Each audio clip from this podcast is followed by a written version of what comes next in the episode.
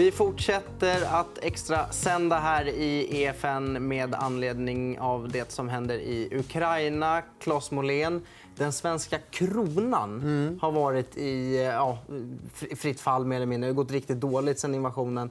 Ehm, den brukar inte må så bra när det blir oroligt där ute. Varför är det så? Mm, det, har inget direkt koppling, det finns ingen direkt koppling där till Ukraina eller Ryssland. utan det är precis som du säger generellt. När vi har fallande riskaptit, det vill säga man vill ha säkra tillgångar. Då ser vi börsen faller, vi ser statsobligationspriser går upp, det vill säga räntor på statsobligationer faller. Och I det brukar vi också se ganska tydliga rörelser, inte bara på kronan utan på valutor generellt.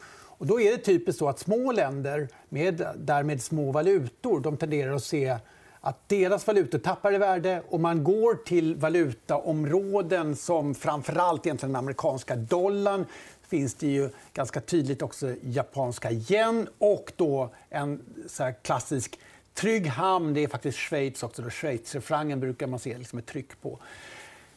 Och varför sker det här? Ja, delvis är det så att man vill liksom, perifera tillgångar hänger det delvis ihop med. Alltså att man, man liksom, sånt som ligger längre från hemmaplan eh, säljer man. Um, eller förväntar sig att andra ska sälja och då ser man valutaeffekten. Och amerikanska investerare är de viktigaste, de som styr globala finansiella marknader. Så när de flyttar hem sina pengar då ser man just de här effekterna på, på liksom mindre eh, valutaområden.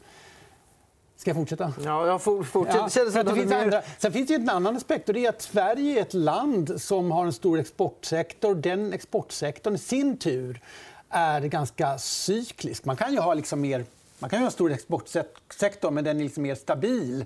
Läkemedel, som i Danmark, till exempel, liksom inte riktigt så påverkat av globala konjunkturer. Men Sverige har mycket liksom industri och sånt som, som är som är väldigt cykliskt. Och det gör ju att svenska ekonomin BNP-mässigt blir cyklisk. Svenska börsen blir ganska cyklisk. Så att det där tror jag också har en inverkan på att liksom man, man också från Riksbankens sida kanske behöver röra räntan mer med den globala konjunkturen. och Det påverkar värdet på svenska kronan. Så här har vi liksom ytterligare en faktor som gör att svensk ekonomi är cyklisk. Då blir också valutan lite mer cyklisk. Kan det vara en krockkudde för den svenska valutan att de här cykliska bolagen tjänar lite mer? För Många av dem säljer ju utomlands och får lite då valutaeffekt som hjälper vinsterna. Ja, men absolut. Så. Du har ju en krockkudde. I och med att vi har den effekten på kronan har du ett land som har det motsatta. Det säga, I tider av oro så förstärks valutan, som man kan säga att schweizerfrancen är. Ja, då blir det ju egentligen sten på bördan eh, istället för som i Sverige att det blir liksom lite lite lindring i termer av eh, svagare valuta. Vi såg det under finanskrisen. Då hade vi en väldigt kraftig kronförsvagning och vi såg det under pandemin inledningsvis åtminstone. Så att, absolut så är det en, en, en krockkudde. Mm. Kan det vara också lite lindring för de spararna som sitter med amerikanska aktier nu eller fonder som äger amerikanska aktier att valutan, alltså dollarn, går upp lite? Ja. ja. För det är typiskt så att har man även om du har en fond så, så, så äger du direkt amerikanska aktier så är det såklart ingen valutahedge.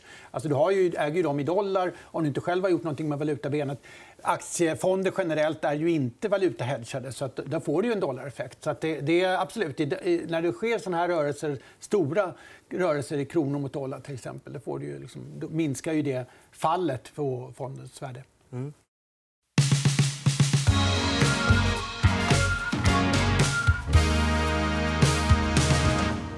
Du har lyssnat på EFN Marknad, en podd av EFN Ekonomikanalen.